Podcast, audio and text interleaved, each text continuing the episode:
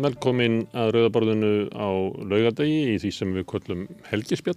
Þá fáum við hingað fólk sem að okkur langar til að kynast nánar og núna er hún hingað komin, hún Sema Erla Serdarólu. Þetta er velkomin. Takk fyrir. Herðu, oft spyr ég fólk svona, hvernig að mann svona fyrst eftir sér? Hvernig, hvaða, hvernig var heimurinn sem að þú hérna, komst inn í? En mögnu spurning. Mm. Ég er ekki með mikið af minningum úr æsku. Ég veit ekki af hverju. En kannski svona einn sem ég tala oft um ætli ég hafi ekki verið svona fjara, fimm ára kannski. Og ég var að gefa undan brauð nýra Mm. tjött. Og ég er þarna að, að kasta brauðinu út og, og mér finnst svo leiðilegt að endurnar sem eru aftast þær fá ekki neitt brauð. Og þannig að ég fer svona að taka alltaf meira og meira tilhlaup til að kasta svona eins langt og ég get. Mm. og það náttúrulega endar bara með því að ég fer á eftir brauðinu þarna út í tjötnina og ég veit ekki af hverju þetta kemur upp í huga núna en þetta er svona eina af þeim minningum sem ég einhvern veginn Mm. man alltaf eftir. Og Ég svo akkur ég heldur að minna þetta. nei, Af Því þegar maður er að hjálpa öðru fólki mm, og leggur sér fram við það, þá hættir manni til að gleyma sjálfur sér og já, fara ítla. það er kannski Hefur það gert fyrir þig? Það gerist nú alveg öruglega reglulega. Mm. Já, já, að sjálfsög. Það er, það er, það tekur á Já. að, að takast á í kerfið. Mm. Það er bara þannig, vegna þess að kannski svo bara átt að sem allavega svona kannski hefur staðið yfir að undaförnu, hún er náttúrulega bara við einn erfiðasta anstæðingin og, og það er kerfið sjálft, það er yfir valdið og, og allir sem að hérna, fylgja því. En þannig að þú varst fimm ára og fórst út í tjötnina, Mm þá dróðu ykkur að landið ekki? Jú. Jú, jú, að sjálfsögðu. Uh, annars, ég man nú ekki hversu djúb hún var reyndar, tjötnin, en, en ég komst vissulega, vissulega upp úr ég Hún er alveg illa þefjandi og eh, hún er ekki, það er ekki gott að detti í tjötnina. Nei, kannski ekki Nei. reynasta vatnið um, en ég vildi bara sjá til þess að allir fengi að borða það. En þannig tók þið ykkur upp og uh, þurrkaði þig og huggaði og... Já, það var konunas pappa, móðir sýstiminnar Mm. þannig að við vorum þarna saman að, að gefa öndunum, öndunum bröð Herðu, þú hérna segðu mig frá svona fjölskylduðinni, svona, að ég myndi spyrja því hvaðan kemur. Um, hverjir eru fóreldræðinir? Hver er fjölskylduðin? fjölskylda mín og, og fóreldrar. Uh, mamma mín er Edda Aradóttir uh, frá Akureyri. Uh, amma mín Erla Böðastóttir sem var eina af fyrstu fóstrónum. Uh, var yfir, yfir leikskóla þar sem ég einmitt fór síðan á. Ég er fætt á, á Akureyri og bjóð þar mín, mín fyrstu ár. Og, og, skýrið eftir erðlu ömmuðinni? já, akkurat. Um, ég vil nú meina að ég hafi verið uppáhalds barnabarnið hennar. Um, hún, hún var allavega uppáhalds amma mín Já. og, og hérna við erum mikið saman hann á fyrstu árunum ég er á, á Lundasili, leikskóla hjá henni og um, pappi minn er Múrat Serdarólu, fættur í, í Istanbul, Tyrklandi kom til Ísland fyrir ég ætla þetta sé ekki að verða meira en 40 ár síðan sem segi kannski mest um það hvað ég er á gömul Já. en um, þannig að ég kynni mig yfirleitt sem Íslanding og Tyrkja og og er, einmitt eins og segi, fætt, fætt hér á landi og, og upp alinn. Já. Um, ég á tvær systur, um, Örnu og, og Síbel og það er sem sagt, uh, ein er pappa megin og hinn mömmu megin, Mm. þannig að ég, ég er alveg upp við það að, að búa á fleirin einu heimli og en í dag bý ég með manni sem heitir Bjarki og, og hundunum okkar Perlu og Marjó og við búum hérna í Reykjavík. Sema, er það ammaðin hinum eina? Nei, hún uh, hétt Semiramis, þannig Já. að það er svona stytting Stytting allavega því. Sema er... Þú skýrið eftir ömmuðinum? Já, allir það ekki. Já. Það má... Það má Þekkir þú semu ömmuðina? Já, Já. um, við hittumst vikið í Tyrklandi og hérna, ég hef farið mikið til Tyrklands og gera enn. Um, mér finnst mjög mikilvægt að, að, að rækta allar rætunar um, sem ég hef og hérna og reyna að fara svo mikið og ég geti Tyrklands og við gerðum mikið af því meðan amma og afi voru ennþá á, á lífi. Já. Þú gerir kröfum að vera Íslendingur og Tyrki. En það eru margir sem að myndu vilja segja að þú væri hvort. Það er sem að fólk, eins og þú þarft átt að berjast fyrir, og, mar að vera bæði. og margir sem segja að ég sé einungistyrki. Já, þú ert hérna megin. Já, það eru, það eru, það er, það er hópur í samfélaginu sem sér mig ekki sem Íslanding, einungi sem. Tyrkja. Þannig að þó ég sé fætt og skýrð og fermt og allt saman hér á Íslandi. Að, Og íslenska þitt móðumál. já, já, að sjálfsögðu. Mm. En, en það er kannski eitthvað annað sem að hefur áhrif á afstöðu þessa einstaklinga. Já. Hvernig fannstu fyrst fyrir þessu að þú værir ekki fullgild að einhverja mati? Ætli það sé ekki eitthvað sem hefur nú alltaf fyllt manni að einhverju leiti. Um, ég, mínar minningar eru líka tengdar því sem maður á úr, úr æsku og maður hefur kannski alltaf líka svona bara þurft að svolítið að, einmitt, berjast fyrir tilvistar rétt sínum einhvern veginn og fá að vera bara manneskjan sem ég er og, og, og bæði náttúrulega bara önnur saga sem ég segi ofti frá því þegar ég var að hérna, eh, eða fóreldrar mín segja mér nú oftar frá því heldur en ég kannski að, að hérna, þegar ég var að keppa á Andres Andaleikon sem hann, ég hef ekki verið svona 10-12 ára. Og hérna og það er komið að mér og ég er næst og ég er tilbúin til að rúla mér hérna niður og, og ég er náttúrulega bara kynnt inn sem Selma Erla og, og náttúrulega ekki nokkuð leið fyrir manneskjuna að bera fram eftirnafni mitt og, og ég hérna pínu lítil hérna á leiðinni á skíðunum niður bara, bara öskra hástöðum bara ég heiti Sema Mm. og er bara móðguð og, og rúla mér svo niður einhvern veginn og, og þetta er eitthvað sem náttúrulega ítrykkað uh, gerist um, Þetta er svona bara að vera tilveru rétti eins og það er orðað í dag. já, Lilla stúlkarna á skíðunum, hún er að berjast fyrir að fá að vera það sem hún er. emitt og það, þetta er einhvern veginn og, og sem margir náttúrulega þekki sem bera uh, erlendum á, á Íslandi að, að það er svona einhvern veginn alltaf einhvern veginn að, að leiðrétta og þetta er líka bara ástæðan fyrir því að ég minna mest allt mitt líf þá hef ég stitt eftirnafni mitt. Uh, ekki notað það allt vegna þess að það, það var alltaf einhvern veginn að það verið að krefjast skýringa og hvernig ber maður þetta fram og það er bara vitlaust og það er einhvern veginn það er bara Það er svo svona mörg gildra í því að skrifa G sem maður á ekki að bera fram. Það er svona gildra í því fyrir heimska íslendinga. Þeir falla, En þó að það hafi ekki alltaf verið allt skrifað þá, ég meina, sema er til dæmis fjóri stafir, þetta er ekkit rosalega flókið að, að hérna, bera fram en, en einhvern veginn, það er svo mikið af svona minningum og á einhverju svona tímamótum, ég meina það er ekki langt sen ég fór til dæmis bara aftur í háskóla og, og útskrifaðist þar og, og, og búin að býði fjóra tíma eftir að fara upp að sækja skilriki, eða hérna skýrtinni mitt og, það er bara sagt eitthvað sem var ekkert nafni mitt. Veist, þetta, svona, þetta er þetta er, já, þetta, þetta er ekki skemmtilegt. Já, mér við finnst, þá sem eru öðruvísi. En þú ert ekkert svo öðruvísi. nei, alls Þú ekki. gæti bara verið stelpa úr dölunum, Já, útliti. Já, já, Sema er ekki flóknasta sem... Ég er að segja það. Það er ekkert mjög flókið. En hvað er þá hérna, stemmingin þannig að, að það er svona þröng intöku skilirði að vera ekta Íslandingur að jáfnir þú kennst þar ekki inn? Já, ég meina það verist vera. Þetta er náttúrulega allt, eitthvað sem hefur alltaf fyllt uh, bæði mér og, og, og fjölskyldi minni. Þetta er náttúrulega eitthvað sem var talað um bara nánast áður en ég var fætt. Mm. Um, bara komandi líka úr, úr hérna litlu bæjarfélagi og svona. Það er alltaf talað. Akureyri er, stór, stort. Já, kannski í einhverju samengi en kannski líka ekki fyrir 40 árum, ég veit ekki en svona, þú veist, þetta er eitthvað sem að einmitt hefur alltaf fyllt og hefur auðvitað áhrif og þetta, þetta mótar mann líka Þetta er svona mikroáreiti. Já, þetta er það Manstu eftir það þannig þegar þú varst lítil að þetta svona vo- vomir einhvern veginn yfir, það sé alltaf hætta á því að einhver segi eitthvað. Já, auðvitað náttúrulega, þú veist, þegar maður var minni þá var náttúrulega að vera stríðamanni og, og uppnefna og allt eitthvað svona alls konar í kringum einmitt þetta, þú veist um, hver maður er og, og hvað maður kemur og, og nafnið og, og svoleiði, sko, þannig að þú lítur að kvarta yfir stríðinni og einelti og, og er þá sagt hérna, hvað er þetta, eitthvað svona, að þú eigi bara að þóla þetta. Það þeirra þessi rétti sem að vilja vera með einelti gagvart þeim sem er öðruvísi.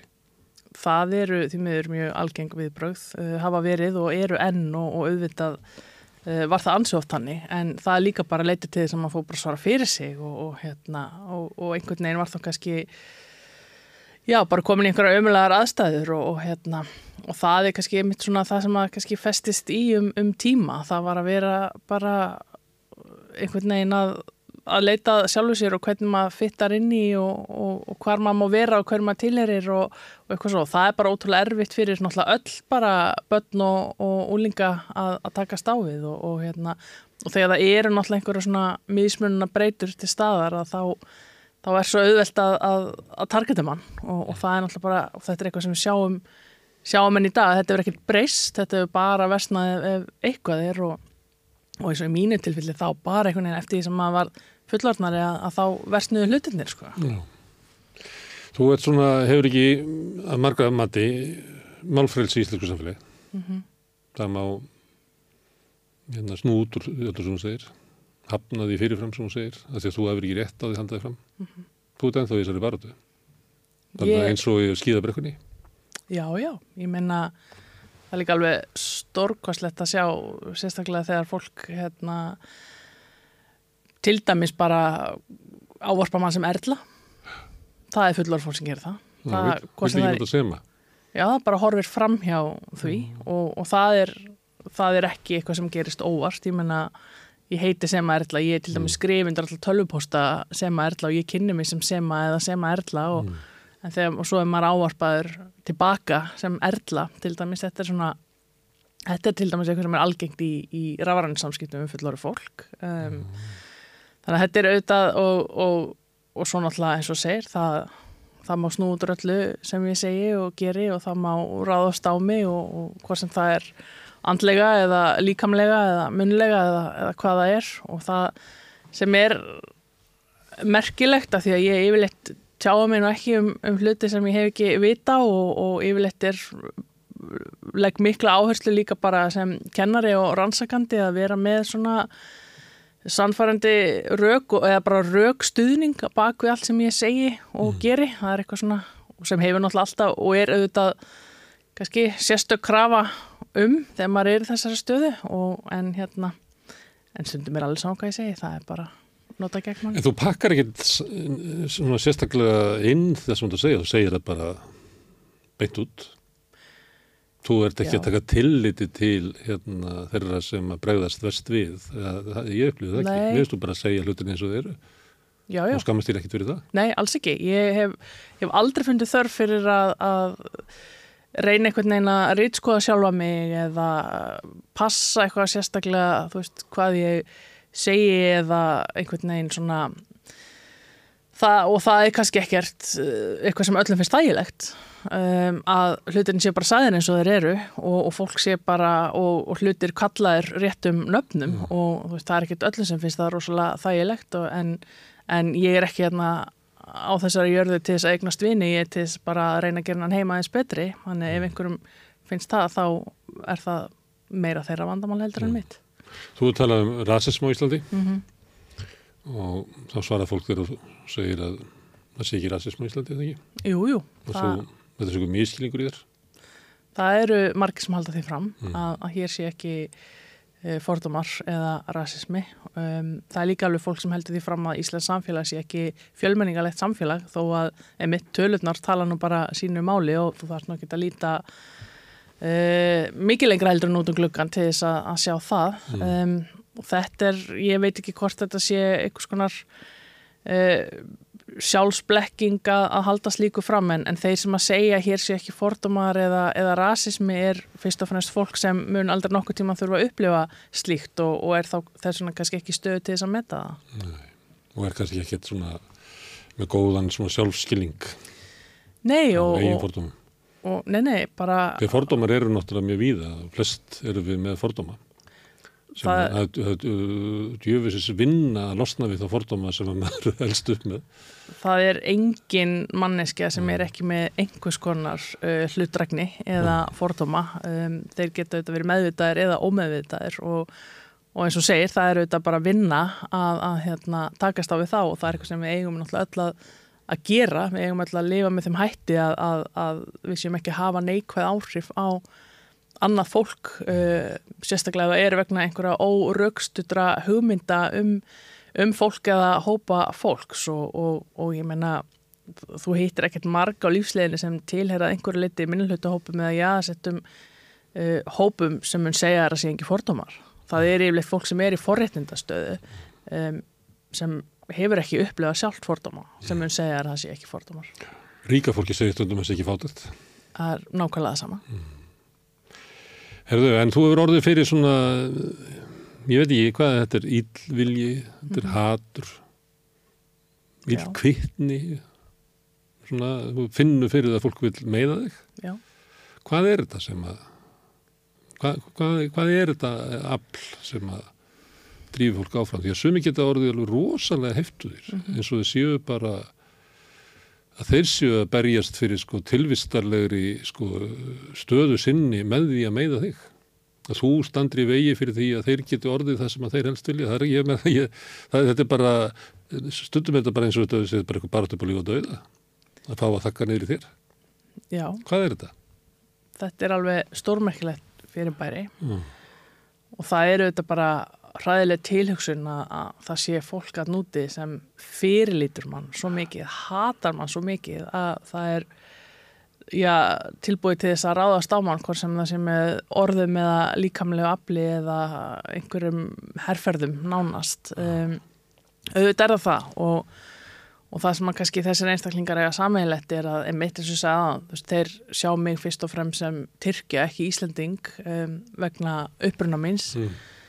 Um, síðan kannski einmitt vegna þess að maður hefur tekið þátt í, í baráttu reynilega bara fyrir, ég er nú ekki að gera meira en að taka þátt í baráttu fyrir mannréttindum og, og, og jafnræði um, og að það sé komið fram við allt fólk með bara mannlegri reysn og, og virðingu, það er ekkert, er ekkert hættulega að segja að gera eldur en það, þannig að og, Það og, fólk sé ekki afmennskað að það sé ykkur tiltekinn Einmitt. hópur sem við getum bara komið ítla fram við vegna þess að það eigi bara engan rétt. Nei, og er ekki, þetta er ekkert stór krafa, um, hún er í eðli sínu mjög einföld og, og ekki, ekki hérna eitthvað erfitt að, að framkvæma hana, en, en auðvitað er bara hópur að núti sem kannski á það sammeilegt að, að, að vera þjóðurni sinnar, jafnvel, það eru nínasistar hérna úti sem hafa verið að targeta mann, það eru, um, já, bara hreinlega rassistar uh, sem búa þá yfir þessari yfirburða hyggju og, og halda þeir séu að standa vörðum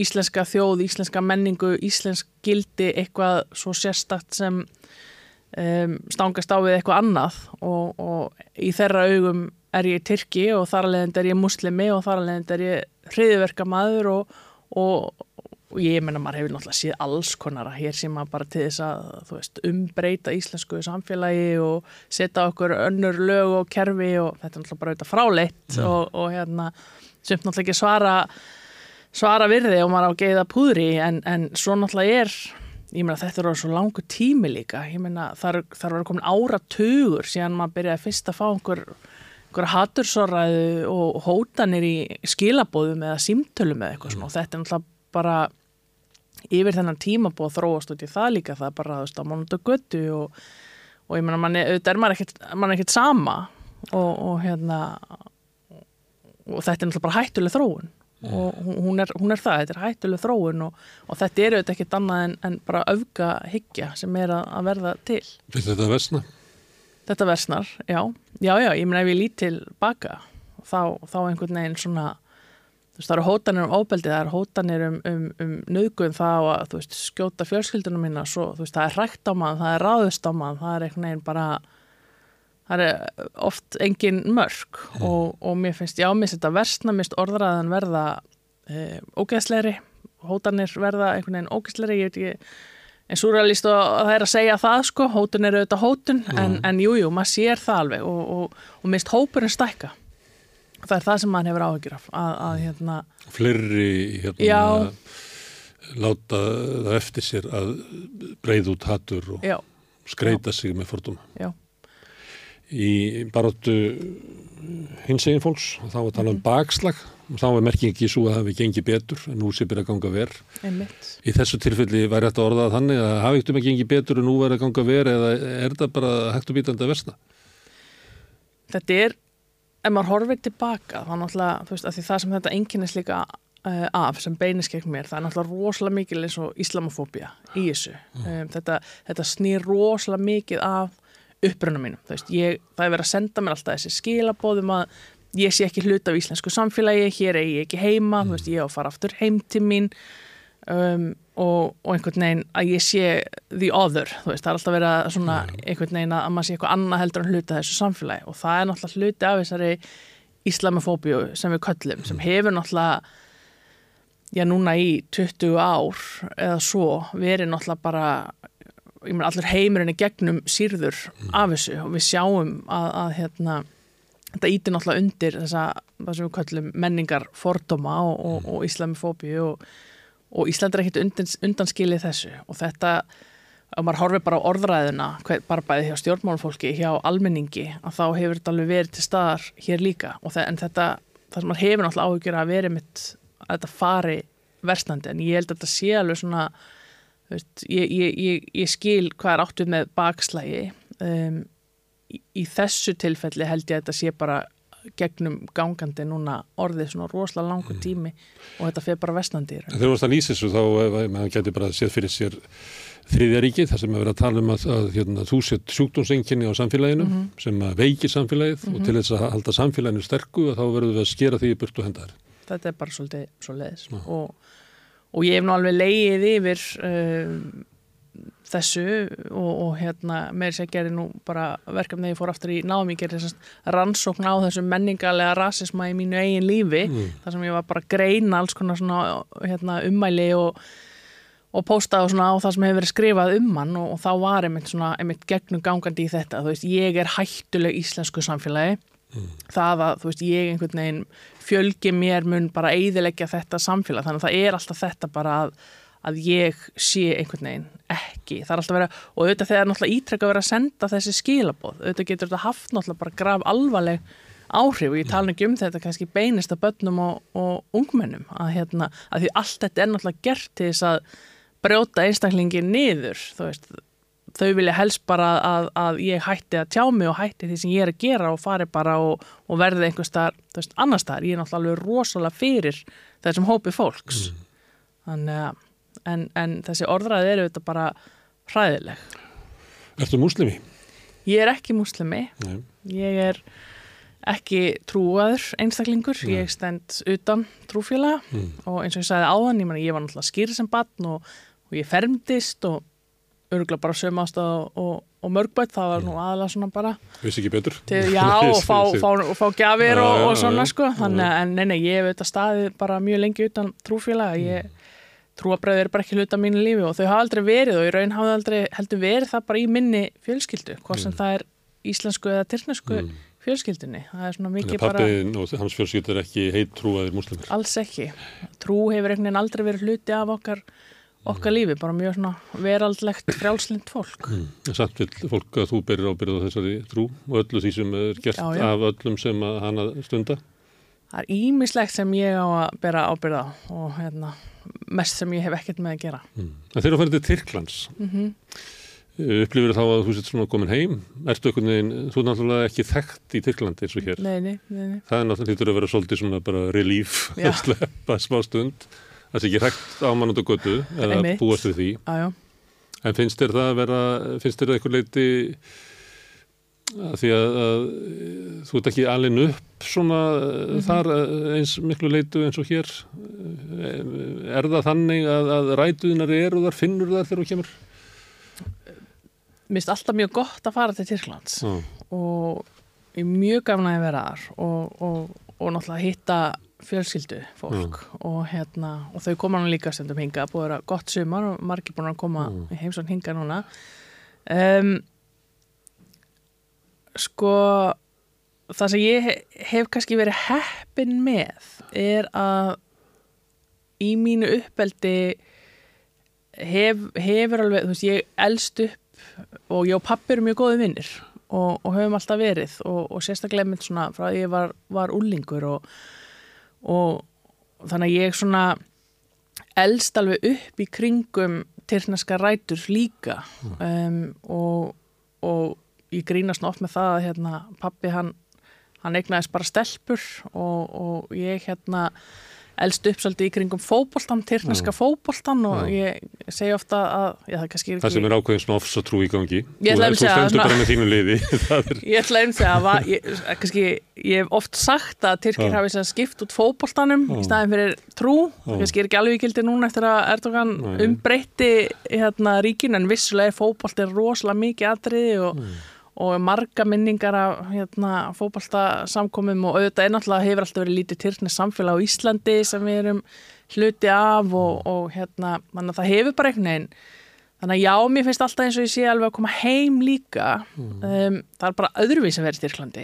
og finnst þið gaman á fótballtaleikjum í Tyrklandi þar sem er þessi ákafi og þessi flögg og ha, vera innan um alla sem eru eiginlega dýrvittlusir áhörður stöðum. Já. Það er bara hannig. auðvitað er náttúrulega, gengur fólk all, alltaf, Já. allt og langt í, í slíkum aðstæðum Já. eins og svo mörgum aðstæðum, en, en mér finnst það rosalega gaman að fara fótboltaleiki í Tyrklandi. Mikið hliti. Já, þetta er alveg, þetta er geggju upplifun, sko, ég, ég, hérna, þetta er það og það var einmitt þegar Tyrkneska landslið kom hérna fyrir nokkur mánu síðan, það var líka svona ákveðin svona draumur að rætast þegar Ísland og Tyrkland mættist í, í fótboltanum, það var, það var ótrúlega gaman. Og með hverju mérstu?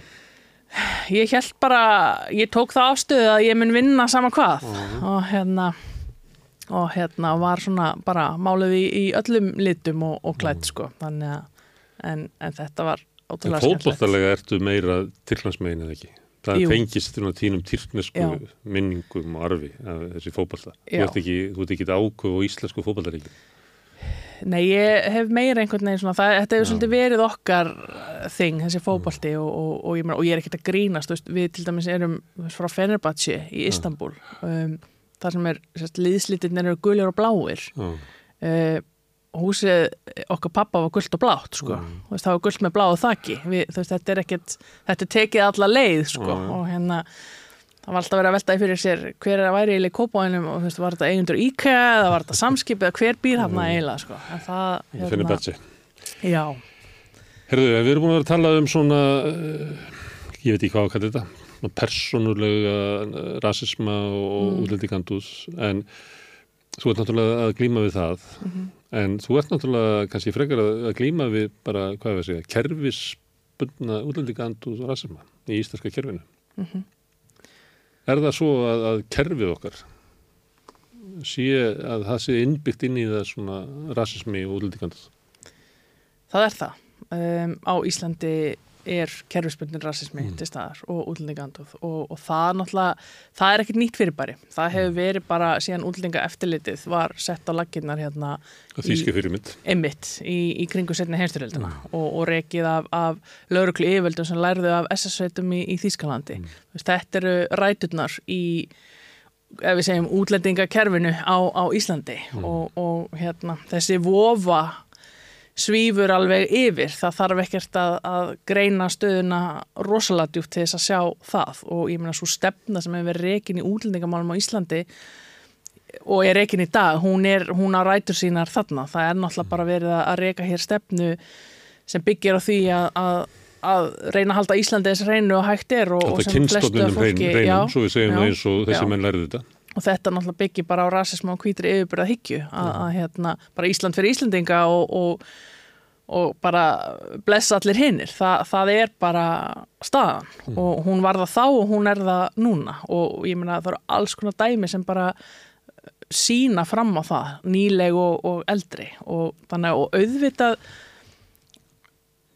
verður það líka þú veist, kerfi eru mannana verk. Það er fólk sem býr til kerfi, það er fólk sem býr til reglur, stefnur og, og framfylgir þeim. Og, og þetta er náttúrulega það er fullt af stjórnmála fólki til dæmis á Íslandi sem ítir undir og við heldur þessu kerfi með orðræðu sinni, með meina, þeim lögum sem er verið að setja sem snúa til dæmis fólki á, á flótta. Og, og meðan þetta einhvern veginn virðist vera að aukast, við, við sjáum stjórnmálafólk sem leggur aukna áherslu til dæmis á slíka orðræðu, það er verið að leggja fram slík lög eða laga frumvörp og samþykja Við erum að halda því fram að Já. hælisleitið séu að grafa undan öllum grunnkerfum samfélagsins. Einmitt. Það er bara að vera að gera það. og ég með, meðan valdhafar tala svona að þá er ekkert skrítið að um, fólk í samfélaginu sem hefur slíkar hugmyndir valdeblist á sama tíma. Það, bara, það eru bein tengsl þarna á milli vegna þess að þegar fólk í valdastöðu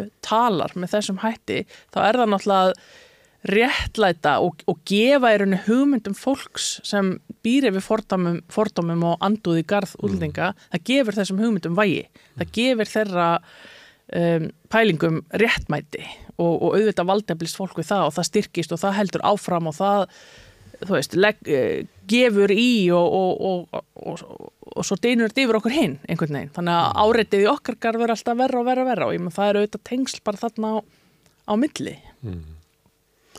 Ég fóði að væri aðeins í Danmörku þegar ég var ungur mm -hmm. og séðan ekkert komið ángað í langa tíma ángað til að stutt eftir síðustu aldamot þá átti ég erindi á Jóland Já og við vorum að kaupa svona rýtstónakerfi fyrir frettablaðið á þessum tíma og skoða það í, í Álaborg okay. og svo eins og oft vil vera þá svona, eru við gestir þarna og þeir bjóðu okkur eitthvað út að borða um kvöldið mm -hmm.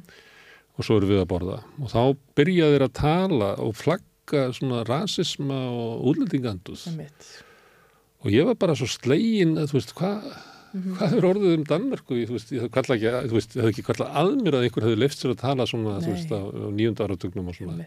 En þetta var, hérna, þá hafði Anders Fór Rasmussen tekið hérna, þjóðaflokkin upp til þess að styðja mm -hmm. sína ríkistjótt og raunverulega gert þessi viðþorf stofuhæf. Mm -hmm. Og þetta er náttúrulega rosa fall hjá samfélagi þar sem að þú sem gestjafi tekur á mót ykkur gestum og ferða að flagga útlendinganduðinni mhm. eins og ekkert sé. Það er bara það er eitthvað Það er bara búin að normalisera þessa orðræðu Já, mér finnst að þessi minning mín er, er svolítið um þetta já. þegar að Bjarni Byrjindarsson stendur á tröppum bestastada og, og er með þessu orðræðu mm -hmm. að þá er hann náttúrulega að opna flóðgáttur sko.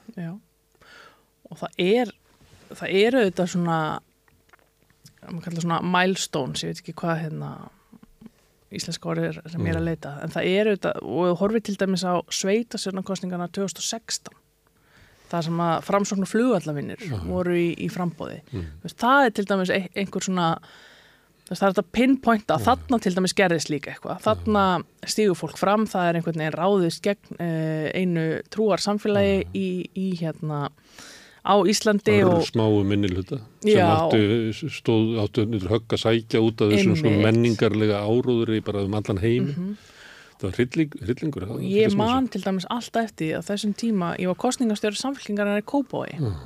hún með skrifstöðað í Hánaborginni og, og svo hérna á, á, á, á kostningadag og semst bara komið kvöld og allt búið og við förum niður einhvern veginn og, og, og það er fullt af fólki hérna fyrir utan kaffi Katalínu og við förum þanga eitthvað og og það er með þetta bara fullt af fólki bara einhvern veginn að tala um hvað muslimar eru svona og, og hins einn og, og eitthvað svona og maður bara, byrju þú veist þetta er eitthvað sem maður ekkert vannur að heyra bara fólk gaspra um mm. þannig að þá var einhvern veginn að því yfirleitt var nú fólk bara með þessar pælingar sínar heima hjá sér, skilur, mm. það var ekkert einhvern veginn að á bara eða kaffihúsi eða hver það er einhvern veginn bara að tala svona mm. en þannig einhvern veginn var maður bara ok, þannig að nú er þess bara allt í lægi nú bara er allt í lægi að vera rasisti og, og bara flagga því hérna einhvern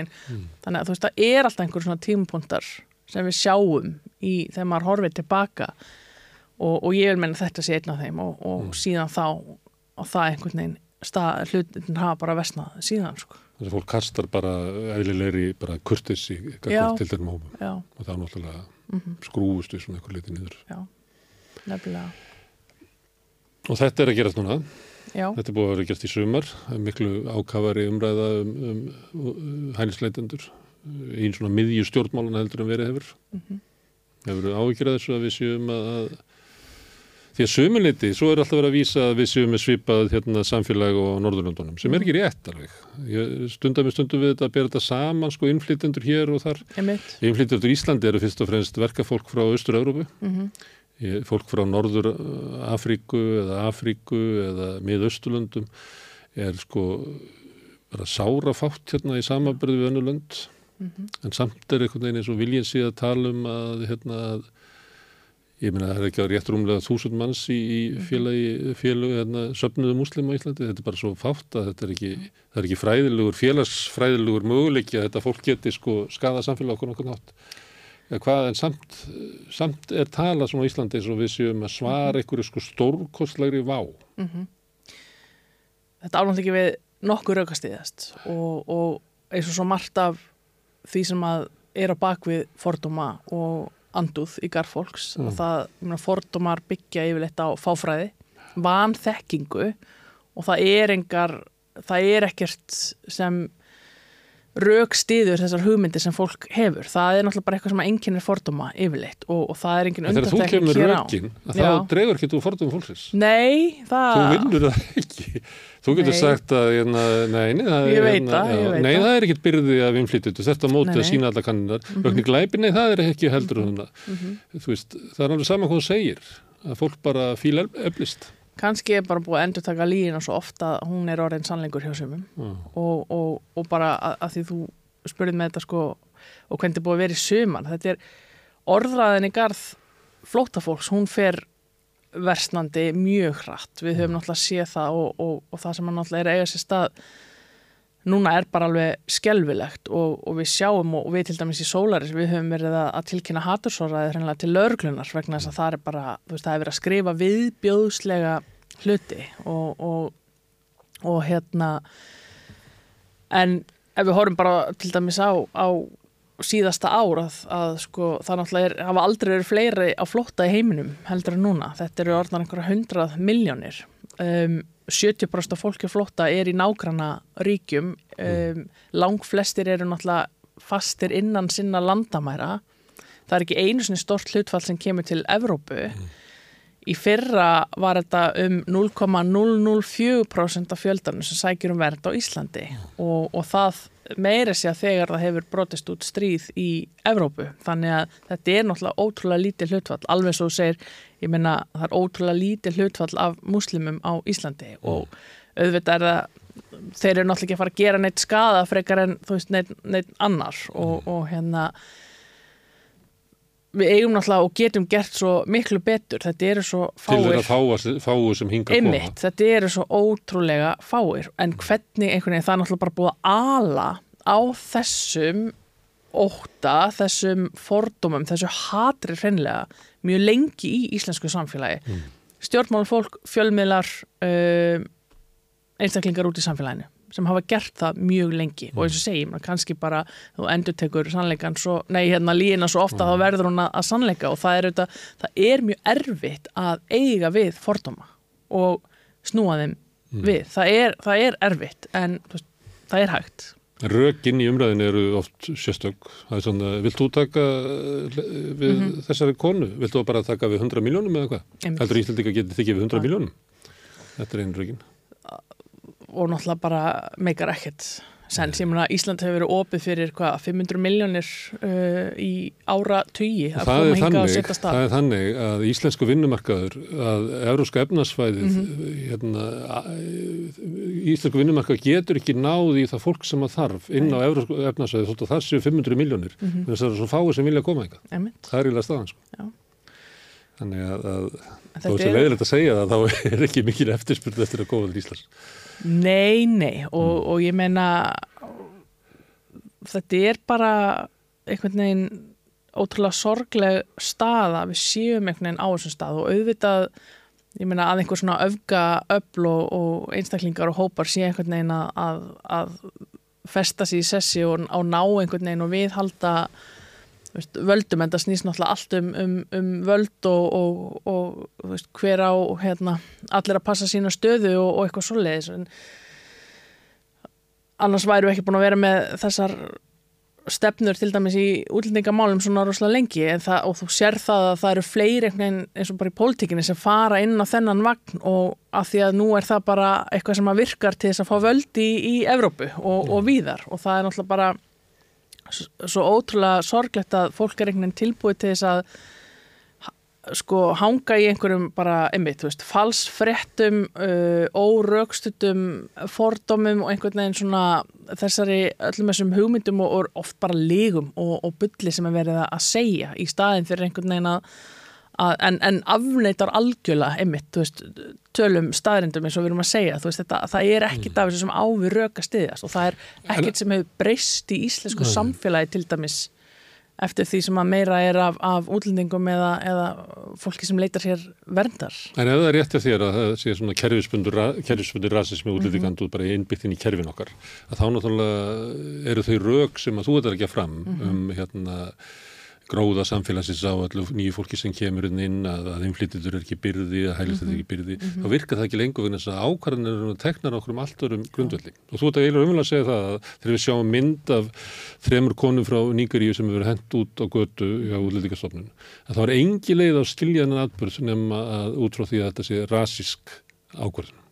Þetta er ekkert annað. Við sjáum það bara að þetta er hópur af fólki sem einhvern veginn hefur núna verið á göttunni vikum saman um, sem ég, eitt sem ég veit um þetta er orðna núna fimm vikur sem hann er búin að vera á, á göttunni þetta er náttúrulega ákveðin hópur sem er verið að, að, að targeta þarna Já. og það sem hann á sammeilegt er að hann er frá miðausturlöndum og Afriku það er bara staðurinn. Þetta er, þetta er bara kerfisbundir rasismi í mjög skýrri mynd og, og það sem að þessir einstaklingar eiga sammeilegt er að þeir eru flesti búin að vera hérna í þrjú, fjö, fimm ár. Þeir fá ekki vernd af óskiljanlegum ástæðum. Þetta er náttúrulega bara ótrúlegt eins og til dæmis með að þólendum mannsals fá ekki vernd á Íslandi. Ekki af því að það er eitthvað dreigið í ef að þessi þólendum mannsals heldur út af einhverjum tæknilegum atriðum. Þannig að en á sama tíma er ekki hægt að senda fólk úr landi vegna þess að það vil enginn taka við þeim og þau eru búin að vera föst á melli kerfa í fimm ár Við fá ekki dvaralegi, við fá ekki kennitölu, Einmitt, get ekki unnið, get Nei. ekki leitt sér húsnaði, get ekki ekki þátt. eru bara föst á melli kerfa í algjörlega vonlösu stöð og þetta er líka hræðileg stað til að vera í hugsaðar í fimm ár En þú segir að þessi staða sé vegna þess að kerfið sé rasist. Já, En þegar þú vilt ræða það um rasismann, að þá neyta kerfið að tala við um það. Já sjálfsög Hafnar það, Finnst þú bara að vera móðga kerfið Já. að vera að tala um rasisma? Já. Hvað er þetta að tala um rasisma, segir það? Og þetta er bara mjög óþægilt fyrir marga.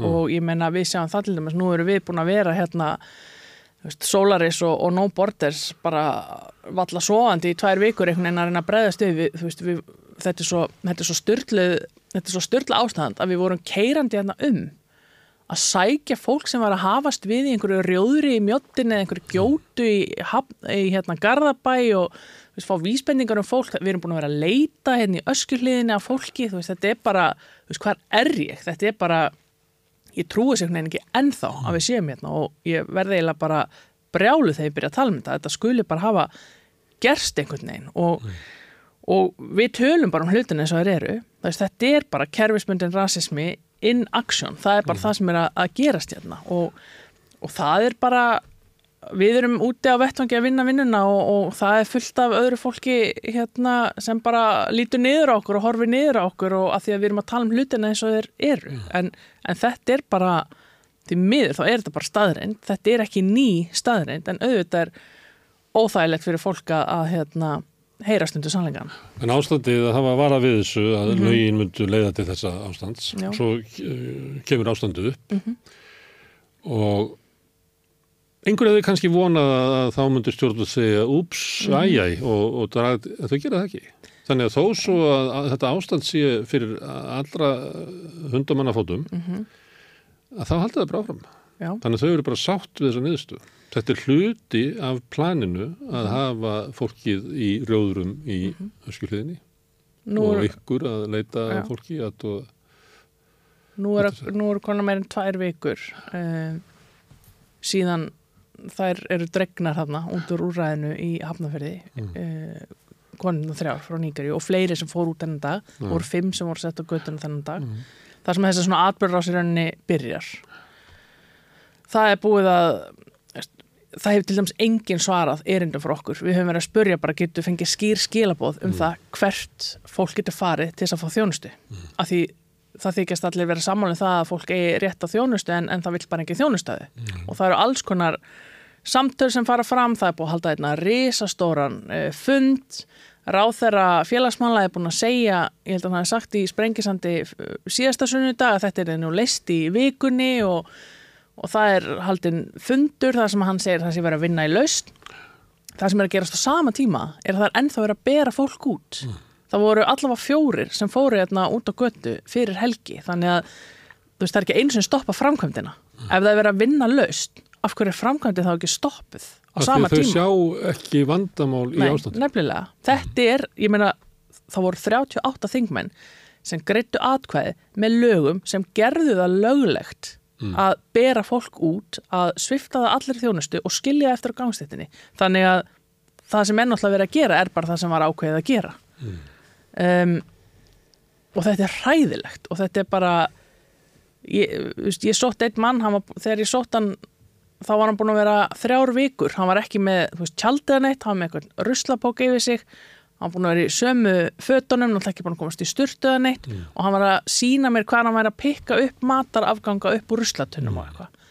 Þetta er það sem að íslensk stjórnvöld ákvaðu að væri uh, rétt að gera við fólk sem hinga kemur að flýja alls konar viðbjóð og er í leit að skjóli og vernd. Og Hvað hefði þessi maður gert af sér í, frá Sjónarhóli í stjórnvalda? Hann var ekki frá Íslandi En hann fekk ekki vend. Nei. Ja. Nei. Herðu, en svona varandi ómúleikan í stöðunni að, að það er fólk kannski sem er hlusta okkur sem að spyr bara ákveðin fer þetta fólk ekki bara heim til sín? Þú grænsir það. Hvernig svarar því fólki? ég held að það sem að gleymis kannski í þessar umræðu er að fólk á flótta hefur flúið heimaland sitt af einhverjum ástæðum. Það getur verið stríð, það getur verið átök, það getur verið pólitískar ofsóknir, það getur verið ofbeldi af höndum yfirvaldaður, alls konar ástæð fyrir því að fólk fer á flótta. Og ríkar ástæður. Það Ríkar ástæður Er, já, og það þýðir náttúrulega að fólk getur ekki snúið heim. Það ákver ekki heima lengur. Það á ekki stað til þess að fara á. Það er ástæðan fyrir flottanum. Það er að flýja heimalanda sitt. Þannig að auðvitað er þetta bara, það er ekki hægt að segja þetta og það er hrikalegt að hlusta til dæmis bara á dómsmára þegar já við erum bara að reyna að greiða hérna fyrir góðri heimferð, bara góða ferð, þú veist maður bara góða ferð hvert? Fólk er sem hinga kemur er til dæmis oft búið að vera mjög lengi á flotta og ég veit ekki um eitt dæmi um einstakling og nú hef ég komist í kynni við ansi marga sem koma hinga að leita skjóli og vernd. Ég veit ekki um einn einstakling sem hefur farið aftur til heimalandsins og bara byrja að byggja upp lífsitt þar. Það er ástæða fyrir því að fólk vera flotta. Það getur ekki farið heim til sín og þegar það fer hérðan þá þýðir það yfirleitt mörg ár í viðbót af flotta þanga til að einhver mögulega einhver staðar leifið þeim að vera.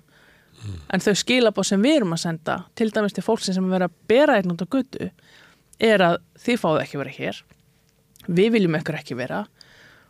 Og þau fá enn eina höfnina enn eitt áfallið og þú ert allt inn í þeirra stöðu bara það vil, ég má hvergi vera það vil enginn hafa mig.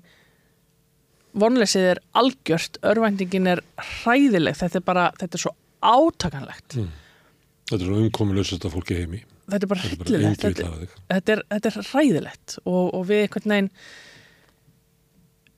flestir eru ekki að byggja um neitt nema bara fá að vera lifa af og sjá fyrir sjálfum sér. Það er eitthvað sem við bara öll sem manneskjur uh, það er bara það sem lífi snýst um. Það er enginn að byggja um neitt annað. Það er bara að vera að byggja um öryggi frið og tækifæri til þess reynilega að lifa af. Og auðvitað vill fólk bara byggja sig upp og, og, og lifa sínu lífi og, og sjá fyrir sér. Það er það sem allir vilja og, og, og fólk að flótt er ekkert öðruvís en við. Það bara því miður hefur fengið ástæði til þess að þurfa að fara á flótta. Þú er aðstóðað mikið af fólki. Já, Uh, mest af því fólki hefur að endanum verið sendt aftur já, út í heim. Uh, og hann sér fyrir sér svona uh, sorglegu sugur. Eru það náttu ykkur góða sugur? Kannski, hafið þið hjálpað ykkur sem að síðan hefur að einhverju leiti náð að skjóta rótum hér og fá að sjá fyrir sér og ég, Það er Svona- hellinga flotta fólki sem að gera já, það já, en, en þú ert að sinna þeim sem að hafa fengið endurins nei og Já. stjórnvöld meina að vera hérna. það eru auðvitað til dæmi þar sem að samfélagslegu þrýstingur hefur orðið til þess að, að ákvörðanum er snúið við og, og fólki er komið í skjól og það hefur átt við til dæmis í, í í tilfellum þar sem að barnafjölskyldur uh, hafa uh, verið hér og, og ekki einungis líka hérna, einstaklingar og ég held að ég meina maður verður alltaf að hafa vonin einhvern veginn og auðvitað, Já. auðvitað eru litlir nei þú veist þetta er ekkert litli sigur það er alltaf Nei, bara það að, að auðvitað er bara hver einasti sigur bara rosalega stór þegar það þýðir að, að einhver var ekki sendur út á gattin og, og jújú jú, það er auðvitað til dæmum það og það hefur einmitt verið þá þegar samfélagi hefur svona tekið sig saman og, og, og, og hérna reynd að knýja fram breytingar og, og, og það gerist sem betur fyrir stundum. En fyrst og fremst þegar það eru börn sem að eiga í hlut. Já, það, já, það, Það er, grætur engin ungan herramann. það eru færið sem gráta hann. Hvað, hvort er sé? Er það ógnin sem við sjáum að hérna, með ótti við svartamannin, óttin við er harabann? við erum alltaf í einhverju goggunaröð Já, og við horfum alltaf mismunandi á fólk út frá stöðu þeirra og það er bara, það er bara þannig að menn sem koma hingað einir, þeir eru alltaf, þeir skrapa botnin, þeir fá minnstu þjónustuna, þeir fá versta viðmótið og bara minnstu samkendina. Það er bara staðreind og það er ekkit bara eitthvað hér á Íslandi, það er bara þannig að því fólk er líka með einhverjar fáránlegar hugmyndir um, um það uh, og um þessa einstaklinga. En ef, það líka reynda svolítið merkilegt ef við horfum bara á tölfræðina aftur að til dæmis af þeim sem, að því það er alltaf að tala um alla þessa kallmenn, alla þessa menn, alla þessa ungu menn sem eru einhvern veginn bara, að þú veist ég ekki að endur taka ómikið þessum, Nei, nei. þessu bylli en þú veist við höfum öll heyrt þessa sögur, bara allir þessir hérna menn sem eru mjög einir og stórkallarlega sögur um þá í einhverjum hópum einmitt, gangandi um einmitt. Um, í fyrra voru konur 48% þeirra sem sóttu um vernd á Íslandi kallar 52% um, bara svona hérna uh, konur og börn eru meira en helmingu þeirra sem eru á flotta kallar eru í minni hluta þeirra sem eru á flotta í heiminum. En auðvitað er það þannig að þeir fara yfirleitt af stað reyna að fá vernd í öðru landi og fá síðan fjölskyldu sammenningu vegna þess að um, þeir fara frekar yfir miðjarahafið og reyna að lifa það af heldur en að senda konuna sína og, og börnin. Og það fyrir náttúrulega engin af stað í þetta ferðalag nema heimalandið sé verra en þessar miklu líkur á því að þú lifir ekki af þess að föru yfir miðjarahafið Það, það er mjög stert sem heldur í fólk svona uh, vonin og væntinginum, væntinginum að eitthvað geti skánað heima fyrir Mhm. þannig að fólk fer yfirleitt ekki fyrir að það er búið að tapa vonin um að það sé hægt að laga Mhm. ástandið. Og þú myndir koma konin og börnum í skjól einhverstaðar og fara síðan sjálfur af stað, ég hugsa að það sé það sem flestir gera. En, en, en svo auðvitað eru bara alls konar aðstæður og alls konar sem verður til þess hver fer, fer að stað. En, en það er svona einmitt þegar eh, flökku sögunar og staðarindunar fara ekki saman. En, en þetta er ágættis dæmi um það. Ég flytti þetta mál uh, svona, hvað er að, er að skaka til stjórnmálinn í Evrópu. Mhm. Við sjáum kostningasigra flokka sem eru með útlendinganduð í Svíþjóð, í Finnlandi, í Ítalíu. Það eru kostningar núna framundan á- í, Hollandi og Belgíu á næsta ári. Það er hérna uh, svona flokkur sem eru næstæsti flokkurinn í skoðanakonum í Þískalandi Já, og stjórnmálafólk horfir á þetta og kannski eh, fólki til hægri horfir á þetta að, að valkostur okkar til valda eru þeir að vera í eh, ríkistjórn yfir miðjuna eins og sömuleiti í Danmörku, Einmitt. sömuleiti ríkistjórn sem er hér. Og þú heyrir nú hvernig hægri menninir í sjálfstæðarfólkunum grenja þetta ástand, það þurfa að gera hérna, sátt yfir miðjuna eins og sagt er. Hinn valkosturinn er að, að bara færa sig aðeins til hægri og taka þessa flokka inn eins og hefur verið gerðar ákvarðanir verið teknar í Ítalíu, Finnlandi, Svíþjóð og víðar.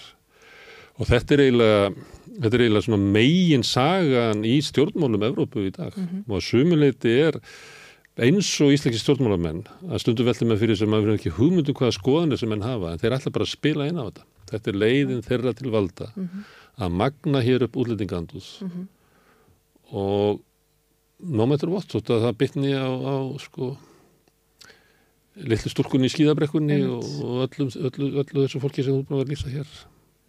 Óttastu þetta? Að þetta sé við sem að sigla inn í eitthvað eitthvað myrkur.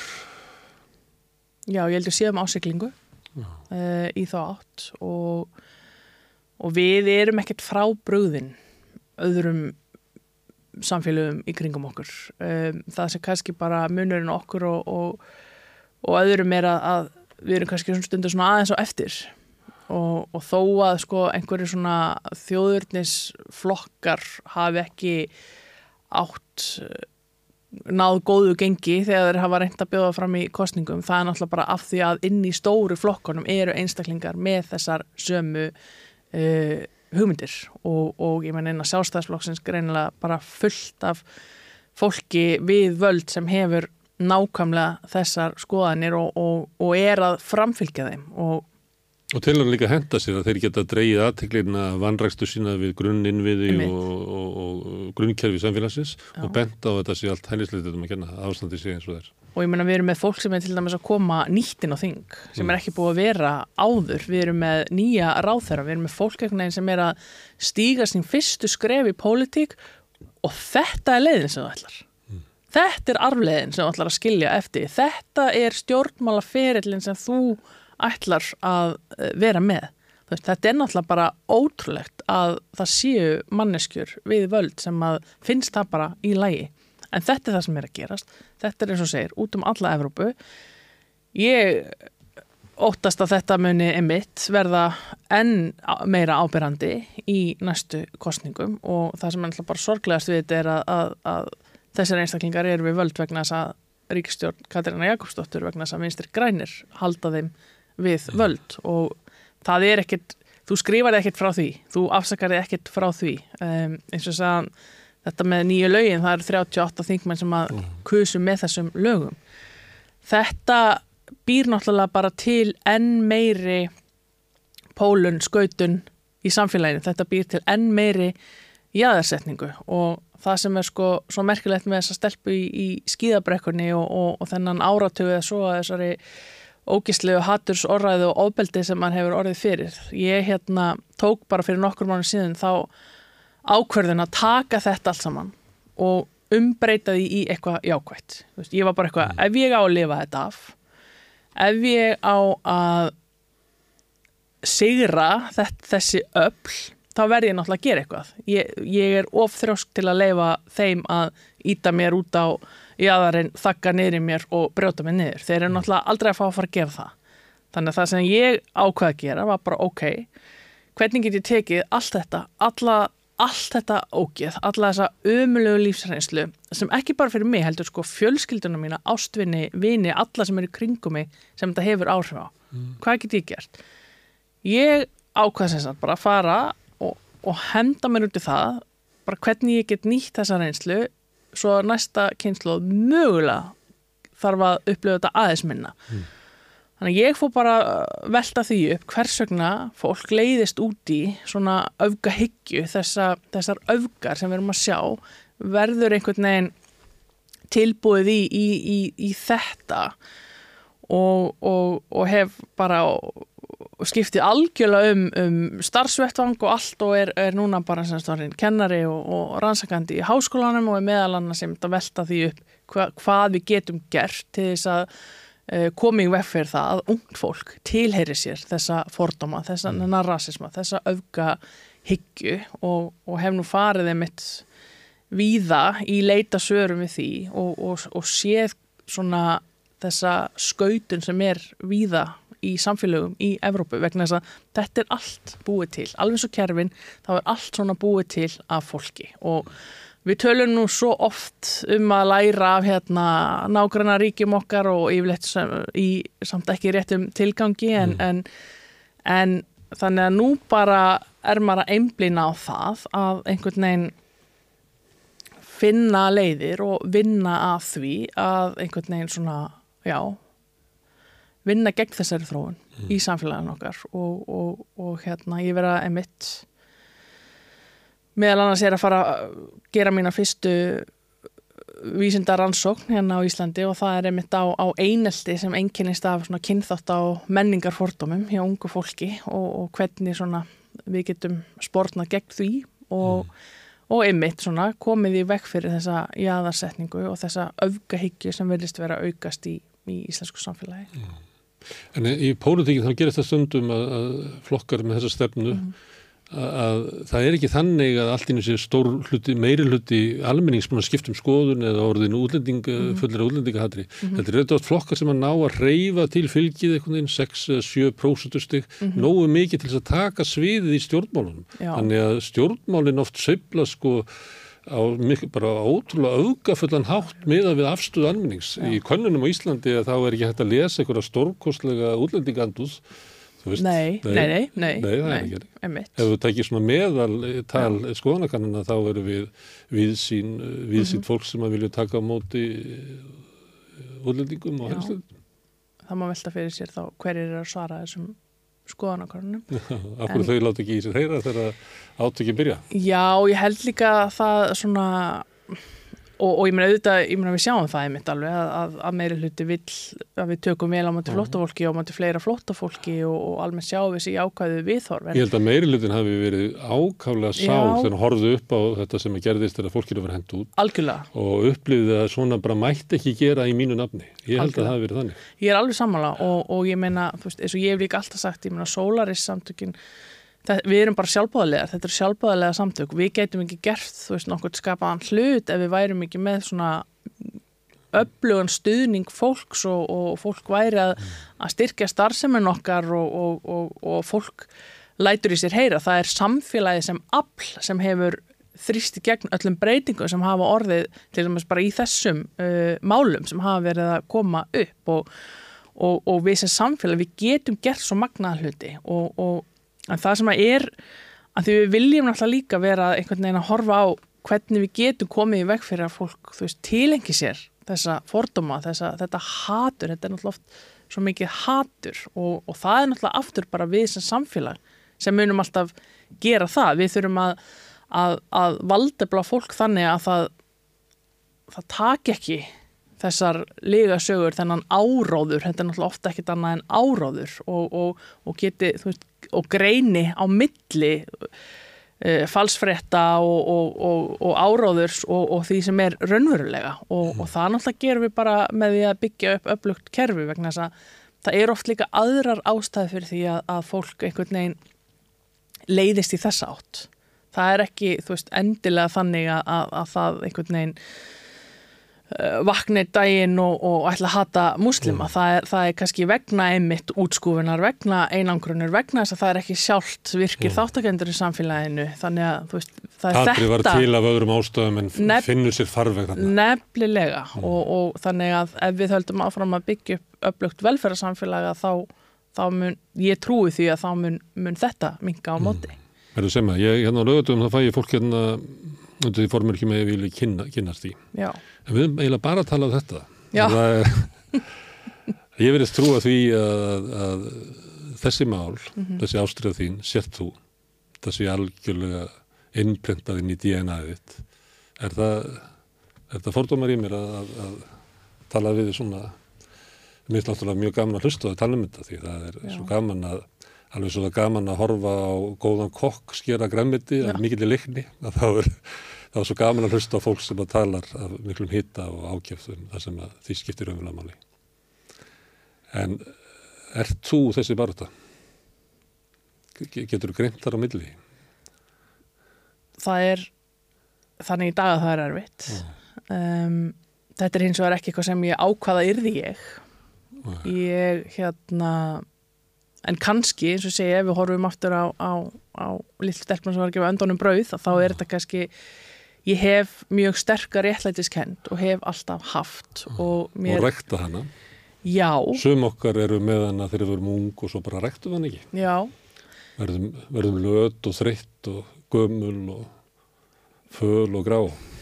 ég held líka bara eins og ég byrjaði að segja áðan sko, Mm. að, að þú veist, hver ég er og það að tilhera tveimur svona ótrúlega ólíkum ekki bara löndum heldur bara menningar heimum og, og sögu og það mótar mann rosalega sem einstakling. Og ég hef til dæmis alltaf alist upp í mjög bara fjölbreyttu umhverfi með alls konar fólki og haft svo ótrúlega gaman að því. Þannig að fyrir mér er er þetta bara raunveruleikin og hefur alltaf einhvern veginn verið og, og, og þó að kannski ég sá ekki alveg fyrir mér nákvæmlega að, að vera í þessari stöðu í, í dag þá, þá held ég að ég hafi kannski einhvern veginn ekki haft ég meina hvernig til dæmis í þessum efnum, ég meina það sem gerist er að, að árið 2016 þá sýt ég heima á mér og er að lesa frétt á stundin um það að, að það séu hérna, umsækjendur um alþjóðlega venn sem búi í húsnaði henni í Reykjavík þar er korki stólar nýja borð og þeir sitta á gólfinu nánast bara á nýva para að borða. Þú veist, þeir eru bara, eru bara aðstæður ég hugsa bara, veist, ég myndi ekki vilja verið þessum aðstæðum veist, og ég bara, herru, ég á hérna veist, fjóra auka stóla, það eru örgulega fullt af fólki hérna sem á líka eitthvað auka dót sem er ekkert að gera við við um flest öll allt og mikið af, af dóti. Og og hérna, ég fyrir bara á Facebook ósk eftir því og við bara bætum aðstæðan hana, hópur á fólki og, og svo erum við hér einhvern veginn þú veist, sjö árum setna einhvern veginn, þannig að þú veist, það, það er ekki þannig að maður takja ákvarðanir, held ég meðvitaðar um að, að, að fara út í, eða í eina átt eða aðra og, og Það vaknar í daginn og maður er bara það sem maður er ég, ég held það um, og að mörguleiti einmitt bara líka því sem hefur einhvern veginn gengið á öllum þessum árásum og, og ofbeldi að, að, að það er líka því að þakka að ég sé það sem ég er í dag. Þakka, Já.